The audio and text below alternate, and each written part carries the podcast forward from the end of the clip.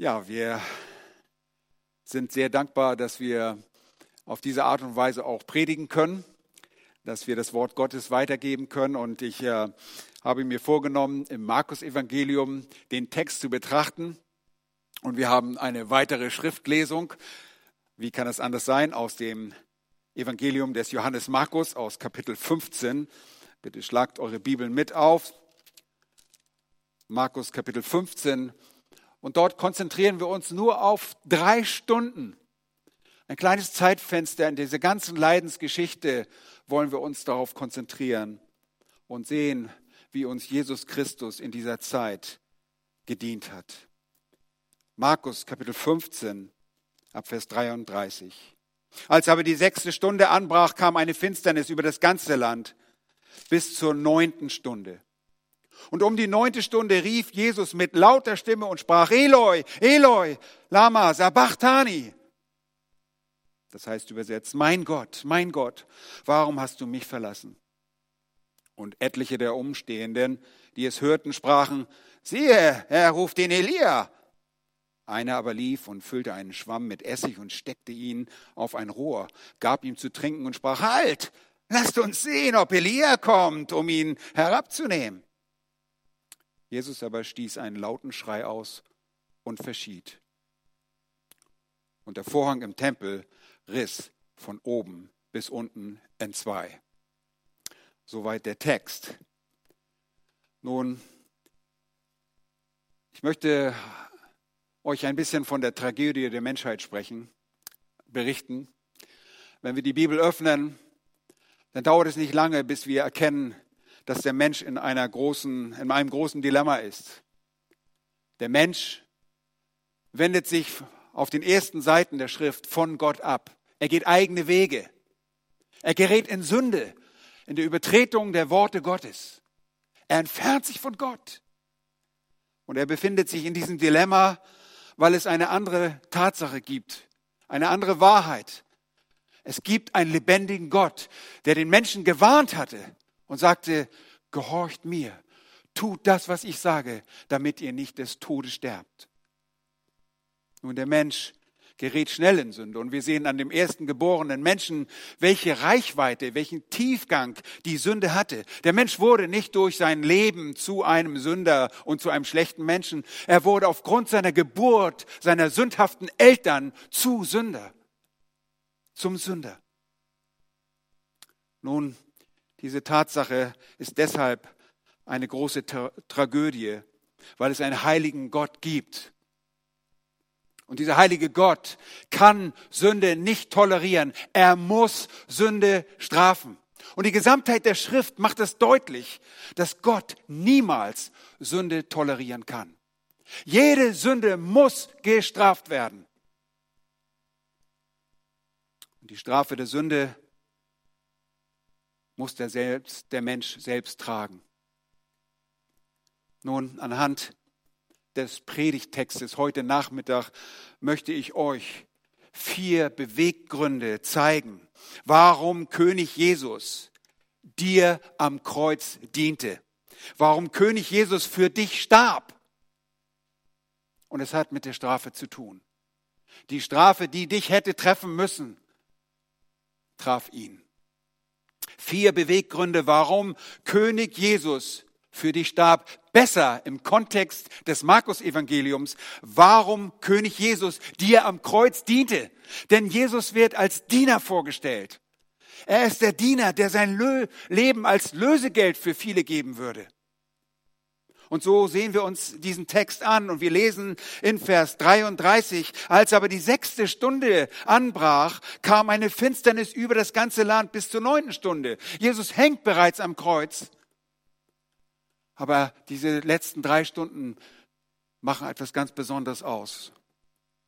Und ich möchte euch an dem ersten Teil dieses Textes zeigen, Jesus erlitt den Zorn deiner Sünde.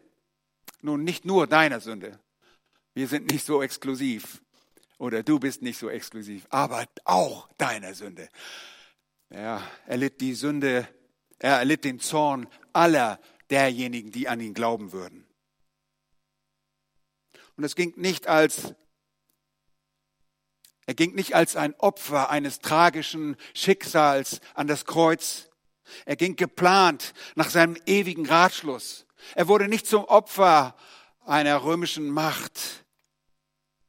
Jesus wurde bereits in der dritten Stunde ans Kreuz genagelt. Aber mit Anbruch der sechsten Stunde jüdischer Rechnung, Jesu dritte Stunde am Kreuz geschieht, ab, ab der dritten Stunde am Kreuz geschieht etwas Außerordentliches. Es wird finster, so berichten uns die Evangelisten und auch Johannes Markus. Und ihr Lieben, es ist gerade mal zwölf Uhr mittags. Das ist nicht die Zeit, dass es finster wird. Bekanntlich steht um zwölf Uhr mittags die Sonne am höchsten. Nun, wie weit diese Finsternis geht, wissen wir nicht genau, aber hier heißt es, kam eine Finsternis über das gesamte Land. Wie das geografisch zu deuten ist, daran ist man sich nicht ganz sicher. Aber diese Finsternis war deutlich und sie ist nicht auf ein natürliches Phänomen zurückzuführen. Das war nicht etwa eine Sonnenfinsternis, wie wir sie vielleicht kennen. Das konnte sie nicht sein, da der jüdische Kalender von den Mondphasen bestimmt wurde und das Passa immer auf einen Vollmond fiel. Eine Sonnenfinsternis kann nur bei Neumond auftreten. Diese Finsternis war also ein übernatürliches Phänomen. Was hat das zu bedeuten? Handelt es sich hier um ein Phänomen, das mit den Mächten der Finsternis zu tun hatte? Handelte hier Satan? Ist es der Teufel und seine finsteren Lakaien, die hier ihr Spielchen treiben und sich austoben? Nein. Der Teufel sieht sich seiner letzten Stunde gegenüber als lebendige Schlange. Dies sind die Stunden, wo sein Leben ein Ende findet als Schlange, wo ihm der Kopf zertreten wird. Schon auf den ersten Seiten der Schrift sehen wir, dass der auf der Finsternis, der Tiefe, dass der Geist Gottes dort war. Wir assoziieren, assoziieren äh, Gott häufig nur mit Licht, aber das ist nicht ausschließlich richtig. Die Finsternis auf Golgatha ist vielmehr eine Visualisierung der Gegenwart Gottes, der sich oft im Dunkeln befindet, besonders im Kontext von Gericht und seinem Zorn. Und das ist nicht die Abwesenheit, sondern die Präsenz Gottes, mit der er sein Gerichtshandeln am eigenen Sohn ausdrückt. Nun, wir assoziieren Gott tatsächlich häufig nur mit Licht. Nochmals, auf den ersten Seiten der Schrift sehen wir, dass in der Finsternis oder über der Finsternis der Tiefe der Geist Gottes schwebte über den Wassern der unbewohnten, noch finsteren Umgebung der geschaffenen Welt. Und wir lesen vom Volk Gottes, das aus Ägypten herausgezogen war und am Berg Sinai, dem Horeb, die zehn Gebote in Empfang nahm. Und dort heißt es in 2. Mose, Kapitel 20 und Vers 21, und das Volk stand von ferne, Mose aber nahte sich zu dem Dunkel in dem Gott war.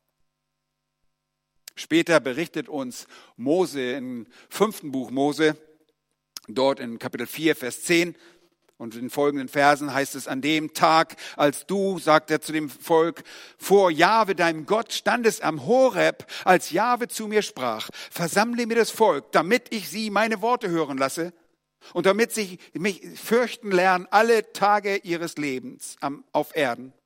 Und damit sie auch ihre Kinder unterweisen, da tratet ihr herzu und standet unter, unten am Berg. hört mal genau zu. Aber der Berg brannte im Feuer bis ins Innerste des Himmels hinein, der voller Finsternis, Wolken und Dunkel war. Hier am Kreuz hing Jesus jetzt in der Finsternis, die plötzlich über das Land kam. Und Jesus hing dort zwar, weil Menschen ihn gekreuzigt hatten, aber das nur, weil Gott es so bestimmt hatte. Jesaja als Sprecher für Jahwe nimmt zeitweise die Rolle des Volkes ein in seinen Knechtsliedern. Es gibt dort vier Knechtslieder im Buch des Jesaja-Buches. Und in diesem vierten und uns am besten bekannten Knechtslied nimmt er den Sprecher des Volkes ein Und das sind bezeichnende Worte. Und das sind Worte, die einst gesungen werden von den wiederhergestellten Israeliten, die zurückblicken aus dem Königreich auf die vergangene Heilstat unseres Herrn. Und da heißt es in Jesaja 53, Vers 4, für wahr, er hat unsere Krankheit getragen und unsere Schmerzen auf sich geladen. Wir aber hielten ihn für bestraft, von Gott geschlagen und niedergebeugt. Nun, die, die Juden dachten, das ist ein Gotteslästerer, der muss ans Kreuz, der wird jetzt von Gott am Kreuz bestraft für seine Sünde. No, so war es nicht, so war es nicht. Vers 5. Doch er wurde um unserer Übertretung willen durchbohrt, wegen unserer Missetaten zerschlagen. Eine ganz andere Wahrheit. Die Strafe lag auf ihm, damit wir Frieden hätten. Und durch seine Wunden sind wir geheilt worden. Lieben, die Strafe lag auf ihm. Welche Strafe? Die Strafe, die jeden Sünder treffen muss, traf ihn. Die Strafe, die wir nicht hätten tragen können. Vers 6. Blickt der Israelit zurück. Wir alle gingen in die Ehre wie Schafe. Jeder wandte sich auf seinen Weg. Aber Jahwe warf unser aller Schuld auf ihn. Ein Hinweis darauf, wer hier wen straft. Es ist Jahwe, der dreieine Gott. Es ist der Vater, der den Sohn straft. Denn der Sohn hängt jetzt am Kreuz. Vers 8. Infolge von Drangsal und Gericht wurde er weggenommen. Wer will aber sein Geschlecht beschreiben? Denn er wurde aus dem Land der Lebendigen weggerissen. Wegen der Übertretung meines Volkes hat ihn Strafe getroffen. Wen? Den Knecht. Den Knecht Jahwes. Das ist der Messias. Das ist unser Herr Jesus Christus. Vers 10. Aber Jahwe gefiel es, ihn zu zerschlagen. Er ließ ihn leiden. Warum ist das so? Weil der Zorn Gottes über jede Ungerechtigkeit zum Ausdruck gebracht wird. Das geschieht schon heute im gewissen Maße, aber eines Tages muss Sünde abgerechnet werden. Sünde muss bestraft werden. Und deshalb schuf er eine Lösung in der Dunkelheit des Kreuzes straft Jahwe der Vater seinen eigenen Sohn. Nun, wir sehen in der Bibel, dass das Strafgericht oft mit dem Zorn Gottes in Verbindung gebracht wird. Wenn wir Psalm 18 uns anschauen, das finden wir auch in 2 Samuel Kapitel 22, dort sehen wir, wie David redet in seiner Bedrängung spricht er zum, ruft er zu Jahwe und er sagt dort, 2 Samuel 22, Vers 2, ja, äh, David sprach zu Jahwe, ist mein Fels, mein Burg und mein Retter. Gott ist mein Fels, in dem ich mich berge, mein Schild und das Horn meines Heils, meine sichere Festung und meine Zuflucht, mein Retter, der mich von Gewalttat befreit. Jahwe, den Hochgelobten, rief ich an und wurde von meinen Feinden errettet. Denn die Wogen des Todes umfingen mich, die Ströme Belial schreckten mich, die Fesseln des Totenreiches umschlangen mich. Es ereilten mich die Fallstricke des Todes. In meiner Bedrängnis rief ich Jahwe an und schrie zu meinem Gott. Er hörte meine Stimme in seinem Tempel. Mein Schreien drang an seine Ohren. Da bebte und erzitterte die Erde. Ihr Lieben, das ist wie in diesem Moment, in der neunten Stunde, als die Erde zittert und bebt.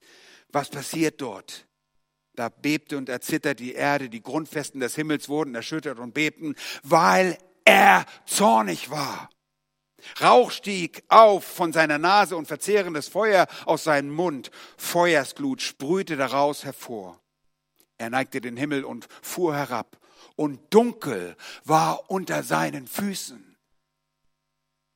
Er fuhr auf dem Cherub und flog daher. Er erschien auf den Flügeln des Windes. Er machte Finsternis um sich her zu seinem Zelt. Dunkle Wasser, dichte Wolken. Und aus dem Glanz vor ihm brannte Feuersglut. weiter heißt es von Jahwe, Jahwe donnerte vom Himmel. Der Höchste ließ seine Stimme erschallen und er schoss Pfeile und zerstreute sie, sein Blitz und schreckte sie. Da sah man die Gründe des Meeres und die Grundfesten des Erdkreises wurden aufgedeckt von dem Schelten Jahwes, von dem Schnauben seines grimmigen Zorns. Ihr Lieben, hier sind Momente des grimmigen Zorns in der Dunkelheit von Golgatha. Da heißt es, als die sechste Stunde anbrach, kam diese Finsternis über das ganze Land. Und Jesus erlitt den Zorn deiner Sünde in dieser Stunde. Und das Gericht sollte über die Verderber im Prinzip kommen, über die Sünder selbst. Stattdessen kam es über Christus. Das Gericht hätte sie zerschmettern sollen. Stattdessen zerschmetterte es Christus. Sie beschuldigten ihn der Gotteslästerung. In Wirklichkeit waren sie die Gotteslästerer. Und unser Herr hatte gewiss jedes Recht, über seine Verfolger zu richten. Jedes Recht, sie auf der Stelle zu zerstören und sie für immer in die Hölle zu katapultieren. Aber das tat er nicht. Stattdessen lässt er sogar am Kreuz allgemeine und sogar rettende Gnade. Wir haben davon gelesen. Einer der Verbrecher kommt zum Glauben und er rettet ihn. Aber allgemeine Gnade lässt er walten und er erwirkt die Vergebung für die Seinen, indem er den Zorn, der durch die Sünde eines jeden Menschen in Gott hervorgerufen wird, auf sich nimmt. Er ist der Sündenträger derjenigen, die an ihn glaubten und glauben sollten. Er wurde der Stellvertreter aller wahrhaftig Gläubigen aller Zeiten. Ohne Christus liegt der Zorn noch auf dir. Johannes drückt es einmal so aus in seinem Evangelium Kapitel 3. Vers 36, wer an den Sohn glaubt, der hat das ewige Leben. Warum? Weil die Schuld vergeben wird, weil die Strafe gesühnt worden ist. Wer aber dem Sohn nicht glaubt oder gehorcht, der wird das Leben nicht sehen, sondern der Zorn Gottes bleibt auf ihm. Ihr Lieben, wir sind von Geburt an Sünder. Wir sind von Geburt an Kinder des Ungehorsams oder wie Paulus es auch im Epheserbrief Kapitel 2 sagt, wir sind Kinder des Zorns. Uns gebührt dieser Zorn. Wir sind die Abtrünnigen. Nun, es gab Situationen bei den Propheten im Alten Testament und die Propheten konnten nicht verstehen, dass Gott nicht seinen Zorn sofort ausschüttete. Wir denken dabei an den Propheten Habakuk, der nicht verstehen konnte, warum Gott nicht über das abtrünnige Israel richtete. In Kapitel 1, Vers 2 seiner Prophezeiung sagt er, wie lange, o oh Herr, wie lange, wie lange wirst du das sündhafte, abtrünnige Volk Israel dulden? Oder wir erinnern uns an Offenbarung, Kapitel 6, und dort in Vers 10, wo die Märtyrer in der kommenden Trübsalzeit, die noch vor uns liegt, die über die ganze Welt kommen wird, als Märtyrer unter der Macht des Antichristen leiden werden, sich aber unter dem Altar befinden werden und Gebete an Gott richten und sagen, wie lange, o oh Herr, du heiliger und wahrhaftiger, richtest du nicht und rächst nicht unser Blut an denen, die auf, die, auf der Erde wohnen? Selbst die Heiligen der Vergangenheit und die der Zukunft und natürlich auch die der Gegenheit wundern sich. Wir wundern uns manchmal über die Geduld Gottes. Wie merkwürdig ist es doch, dass bei diesem Ereignis auf Golgatha alles als Gottes Zorn sich über die Menschenmenge hätte entladen sollen, er sich stattdessen stellvertretend für die Gläubigen aller Zeiten über Christus entlud. Lieben, die Stellvertretung ist allerdings nicht ein automatischer Mechanismus. Es ist nicht ein Automatismus, dass Menschen die Sünde nimmt, weil wir nur einfach leben. Der Mensch muss sich im Glauben zu Gott kehren, um Vergebung der Sünde zu erlangen. Er muss seine Pleite erkennen. Er muss seinen geistlichen Bankrott erkennen und sich an Gott, an seinen Retter wenden. Wenn das nicht geschieht, dann, wie Johannes sagte, bleibt der Zorn Gottes auf ihm. Und Römer 2 sagt Paulus in Vers 5, aufgrund deiner Verstocktheit, sagt er dort, und deines unbußfertigen Herzens häufst du dir selbst Zorn auf für den Tag des Zorns und der Offenbarung des gerechten Gerichtes Gottes. Und da wird von Gott gesagt, der jedem vergelten wird nach seinen Werken. Den nämlich, die mit Ausdauer im Wirken der Gut, des Guten Herrlichkeit, Ehre und Unvergänglichkeit erstreben, ewiges Leben. Denen aber, die selbstsüchtig und der Wahrheit ungehorsam sind, dagegen der Ungerechtigkeit gehorchen, Grimm und Zorn. Welch Tragödie. Welch eine Tragödie. Wenn du Gott nicht glaubst, dann stehst du unter dem Zorn. Du bist ein Kind des Zorns. Und du machst durch dein Unglauben Gott zum Lügner. Und dabei hast du schlechte Karten im Endgericht. Wenn wir Gott vertrauen und glauben, dann weil er uns gerettet hat, damit Römer 5, Verse 8 bis 10, Gott seine Liebe uns dadurch erweist, dass Christus für uns gestorben ist, als wir noch Sünder waren. Wie viel mehr werden wir nun, nachdem wir jetzt durch sein Blut gerechtfertigt worden sind, durch ihn vor dem Zorn errettet werden. Das ist die gute Nachricht. Und die bringt uns auch Johannes Markus in seinem Evangelium. In dieser dunklen Stunde, in der alles nach Niederlage aussieht, wird der Teufel geschlagen. Er wird zertreten, sein Kopf wird zertreten. Und wir kämpfen jetzt vom Sieg her. Der Zorn Gottes trifft dem, der glaubt nicht mehr. Denn wenn wir Gott, mit Gott versöhnt worden sind durch den Tod seines Sohnes, als wir noch Feinde waren, wie viel mehr werden wir als Versöhnte gerettet werden durch sein Leben? Ist das nicht eine wunderbare Wahrheit? Und weil wir einst Kinder des Natur, von Natur aus Kinder des Zorns waren und jetzt aber Kinder des lebendigen, des Lebensfürsten sind, deshalb sollen wir auch unsere Glieder töten, die auf Erden sind, Unzucht und Unreinheit, Leidenschaft, böse Lust und die Habsucht, die Götzendienst ist. Denn um dieser Willen, Dinge willen, kommt der Zorn Gottes über die Söhne des Ungehorsams. Seht ihr, in diesen Dingen sind wir eins alle, haben wir eins alle gewandelt nach den Lüsten unseres Fleisches, sagt Paulus in Epheser 2. Aber jetzt kam Jesus und er litt den Zorn für dich auf Golgatha. Der zweite Weggrund sehen wir in den Versen 34 bis 36. Jesus erduldete die Schwermütigkeit der Hölle für dich. Jesus erduldete die Schwermütigkeit der Hölle für dich. Und da hieß es, heißt es, und um die neunte Stunde rief Jesus mit lauter Stimme und sprach, Eloi, Eloi, lama sabachthani. Und das heißt übersetzt, mein Gott, mein Gott, warum hast du mich verlassen? Und etliche da umherstehenden, die es hörten, sprachen sie, er ruft den Elia, einer aber lief und füllte einen Schwamm mit Essig und steckte ihn auf ein Rohr, gab ihm zu trinken und sprach, halt, lasst uns sehen, ob Elia kommt, um ihn herabzunehmen. Nun, diese Worte, die Jesus hier ausspricht in aramäischer Sprache, dieser Ausruf Jesu ist mit Davids Worten aus Psalm 22, Vers A, die erste Hälfte, vollkommen identisch. Da heißt es, mein Gott, mein Gott, warum hast du mich verlassen? Weiter heißt es in dem Vers 2 bei David im Psalm 22, warum bleibst du fern von meiner Rettung, von den Worten meiner Klage? Nun, das ist eine von vielen erstaunlichen Parallelen, die wir sehen zwischen diesem Psalm und den Einzelheiten der Kreuzigung. Und in diesen Augenblicken am Kreuz erlitt Jesus die ganze Schwermütigkeit der Hölle, die zu ihm nach Jerusalem gekommen war. Die Hölle war in Jerusalem, dort auf Golgatha.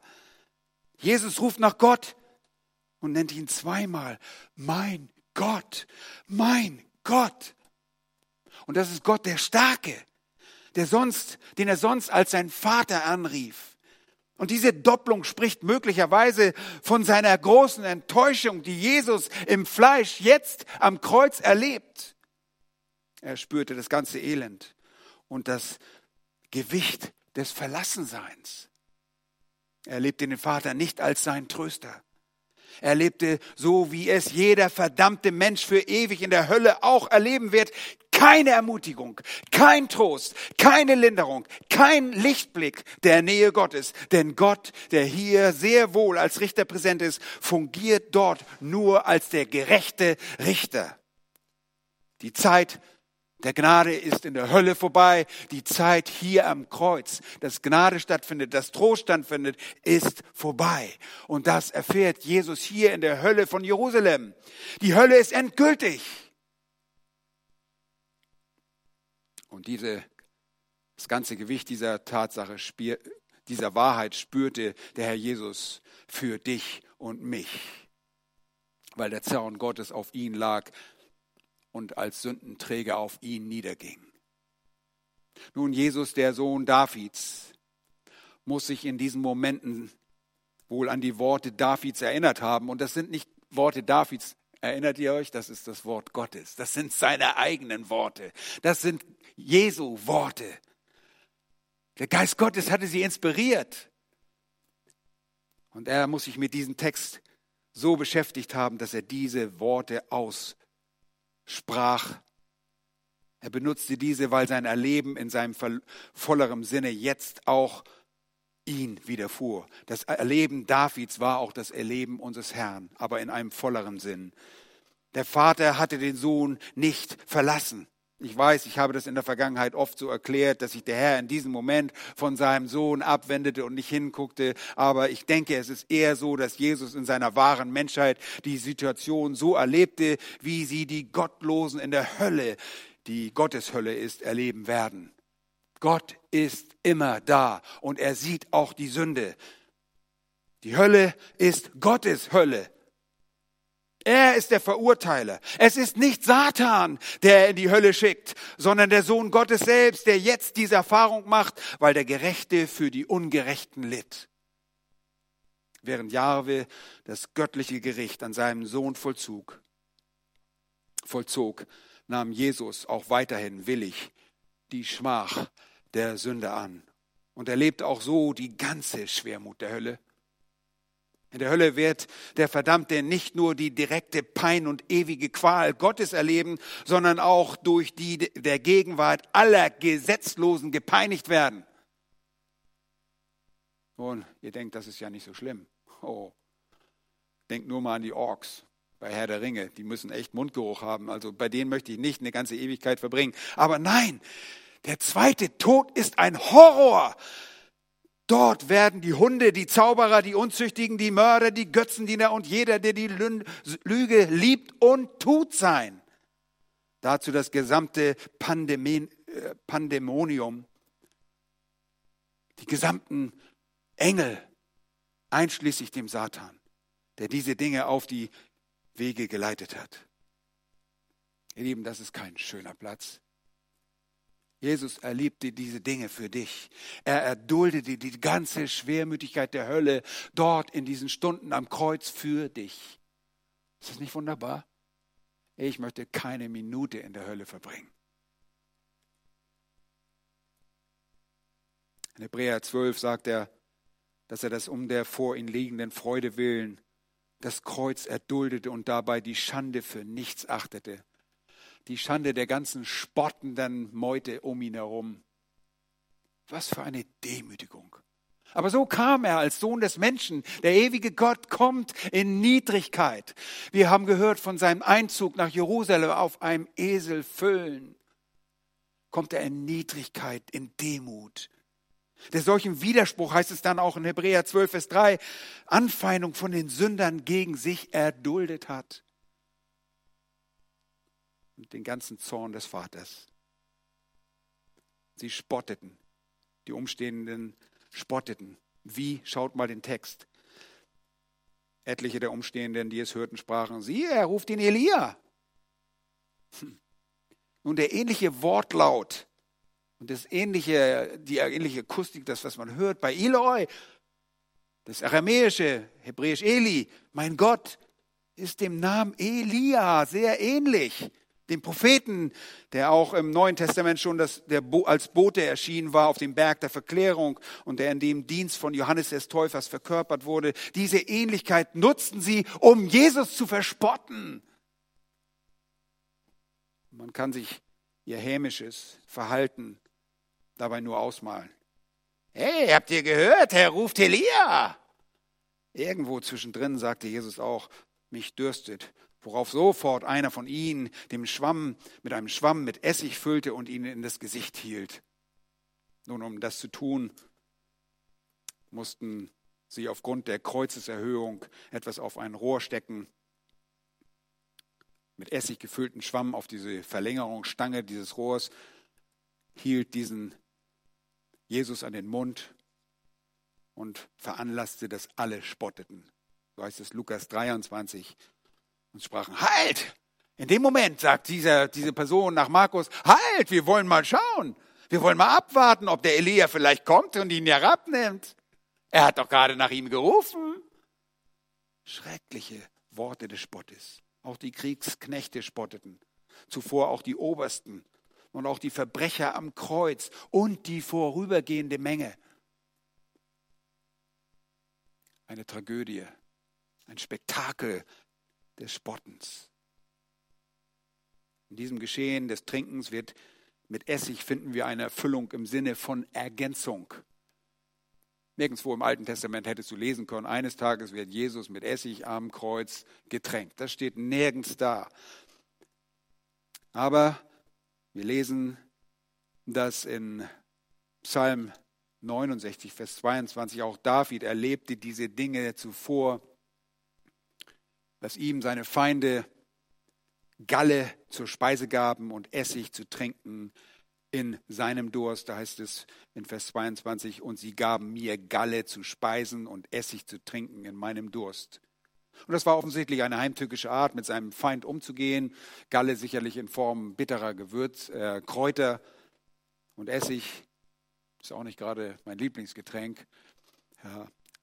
Aber in, in gewisser Weise wurde Essig und Galle auch gemischt. Man wollte Jesus auch Essig und Galle zu trinken geben auf dem Weg zum Kreuz. Man bot ihm das verschiedene, äh, bot ihm das an, aber er wollte nicht, weil das eine Art Betäubung, äh, auf, wie eine Art Betäubung wirkte und er wollte im vollen Bewusstsein das Kreuz, Kreuz erleben. Aber hier wird ihm Essig angeboten. Und Johannes greift dieses Ereignis auf in Johannes 19, Vers 28.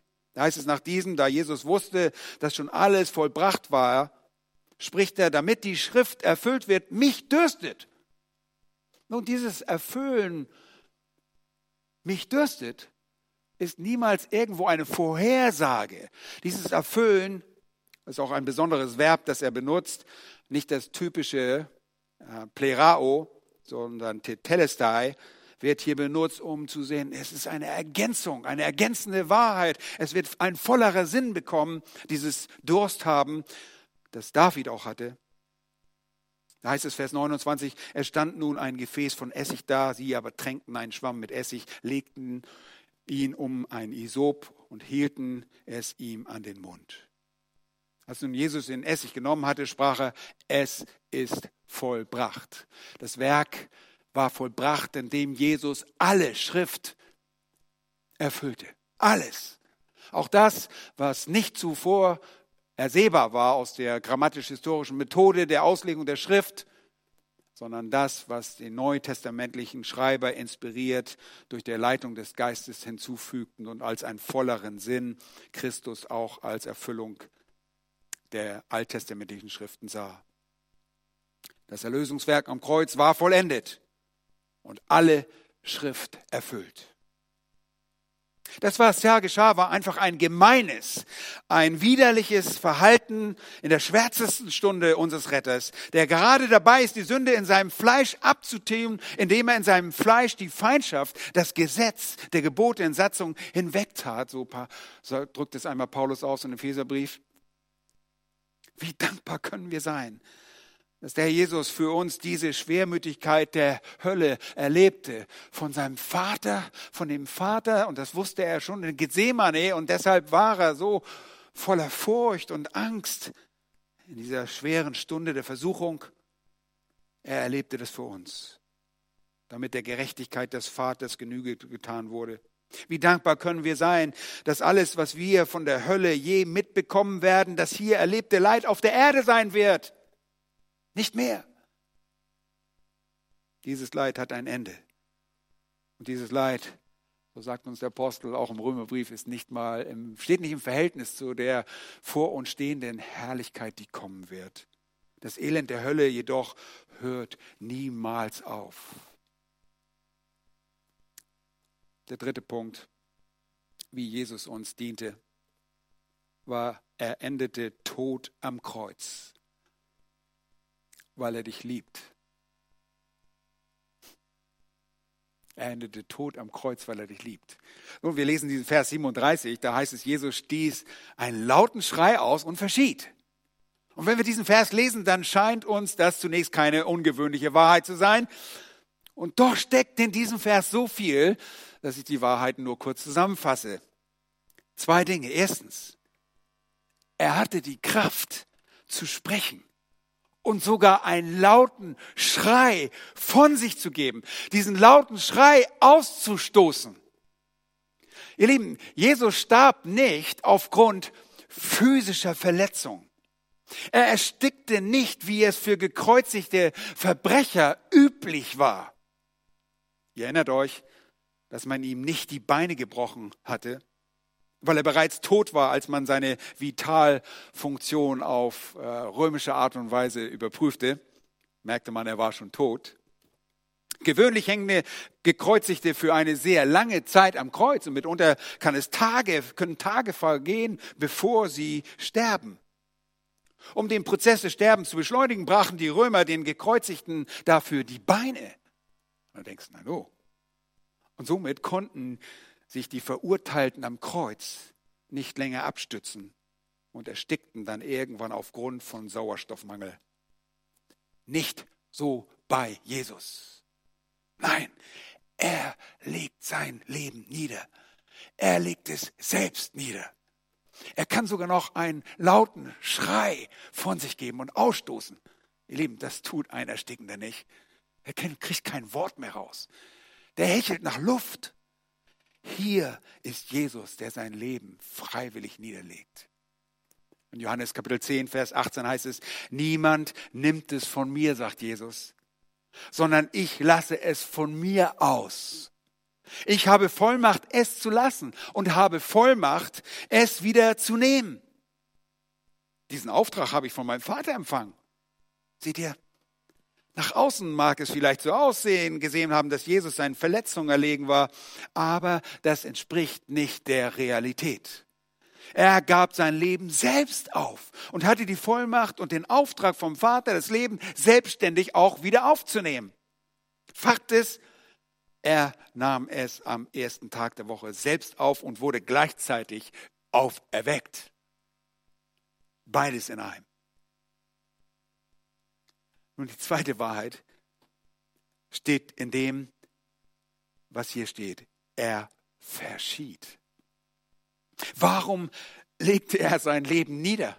Warum tat er das? Um deine und meine Errettung zu bewirken und auf diese Art und Weise seiner Liebe uns gegenüber Ausdruck zu verleihen. Johannes im Evangelium von Johannes Kapitel 15, Vers 13 ist es so deutlich. Größere Liebe hat niemand als die, dass er einer sein Leben lässt für seine Freunde. Ihr seid meine Freunde, wenn ihr tut, was immer ich euch gebiete. Ich nenne euch nicht mehr nur Sklaven, sollte man implizieren hier, denn der Sklave weiß nicht, was sein Herr tut.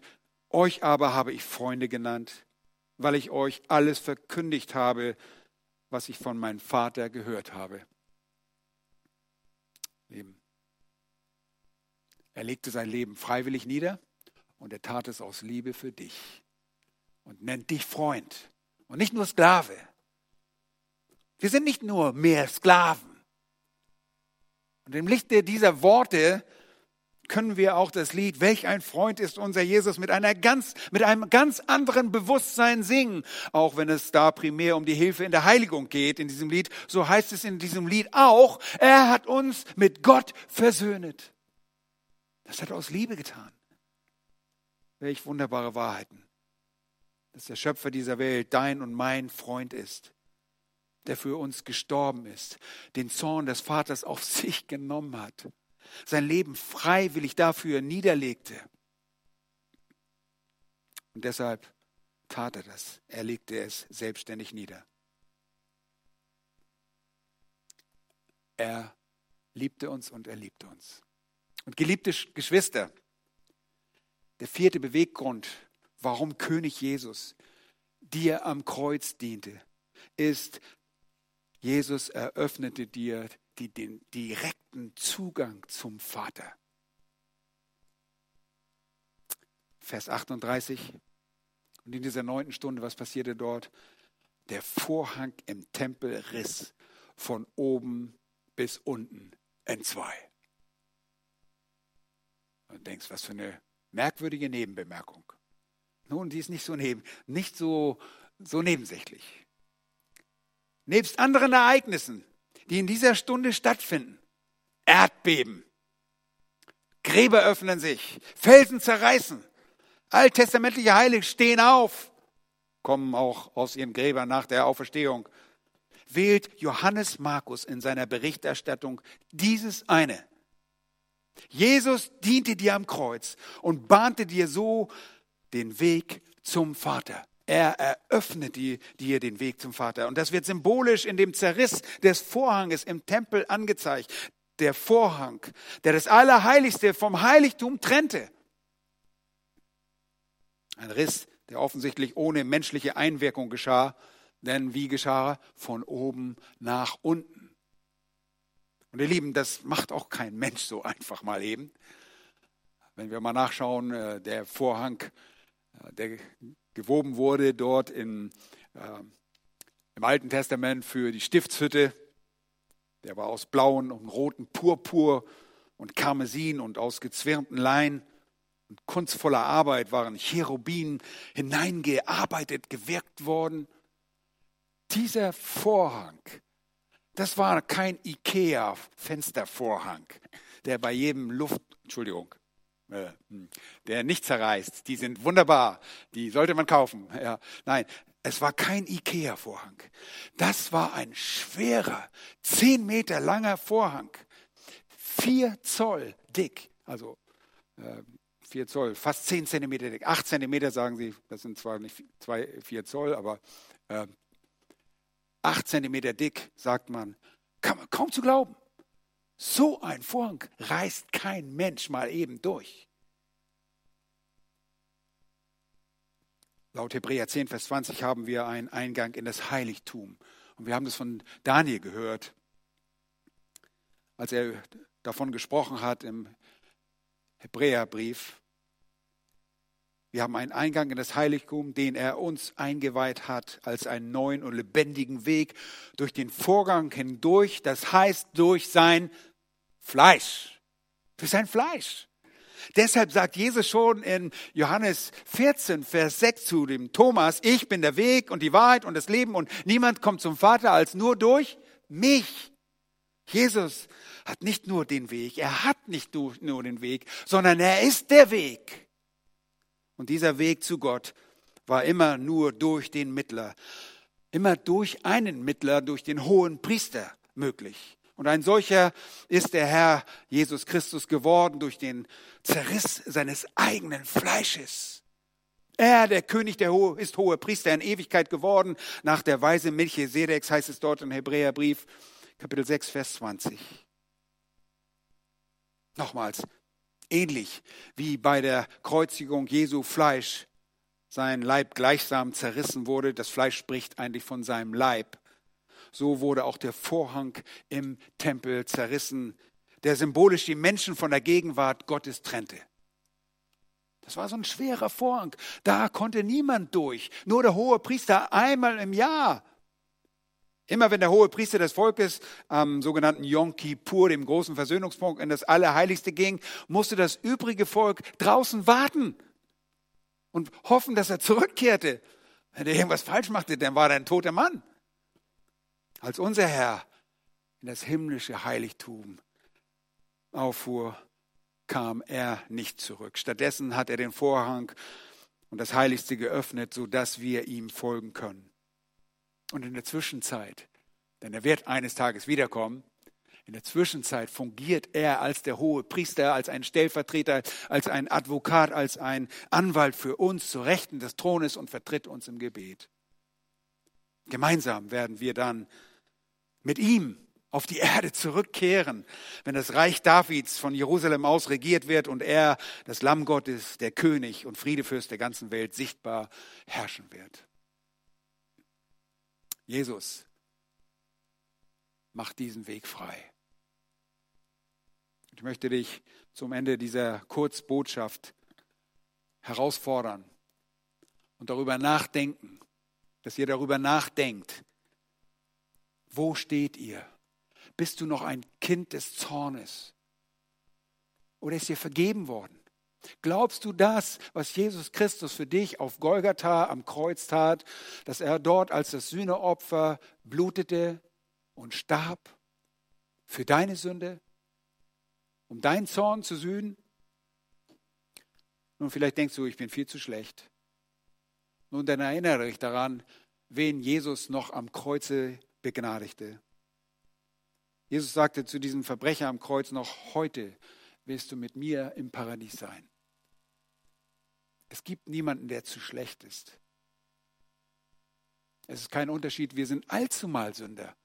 Wir alle im Mangel der Herrlichkeit, die wir bei Gott haben sollten. Und das, was Gott von dir erwartet, wenn du Gott nicht kennst, ist, dass du erkennst, wie er dich sieht als ein Sünder, der Vergebung braucht. Sonst kannst du keine Gemeinschaft mit ihm haben. Sonst wirst du den Zorn, den Jesus an der Hölle, in der Hölle auf, in Jerusalem am Kreuz erduldet hat, in einer ewigen Hölle ertragen müssen, wo der Rauch der Qualen aufsteigen wird von Ewigkeit zu Ewigkeit, ohne Ende. Und deshalb rufe ich dir zu, kehre um. Kehre um zu dem treuen Priester des neuen Bundes, dem hohen Priester, unserem Herrn Jesus Christus. Glaube ihm. Glaube von ganzem Herzen. Bekenn mit deinem Mund. Und dann wirst du gerettet werden.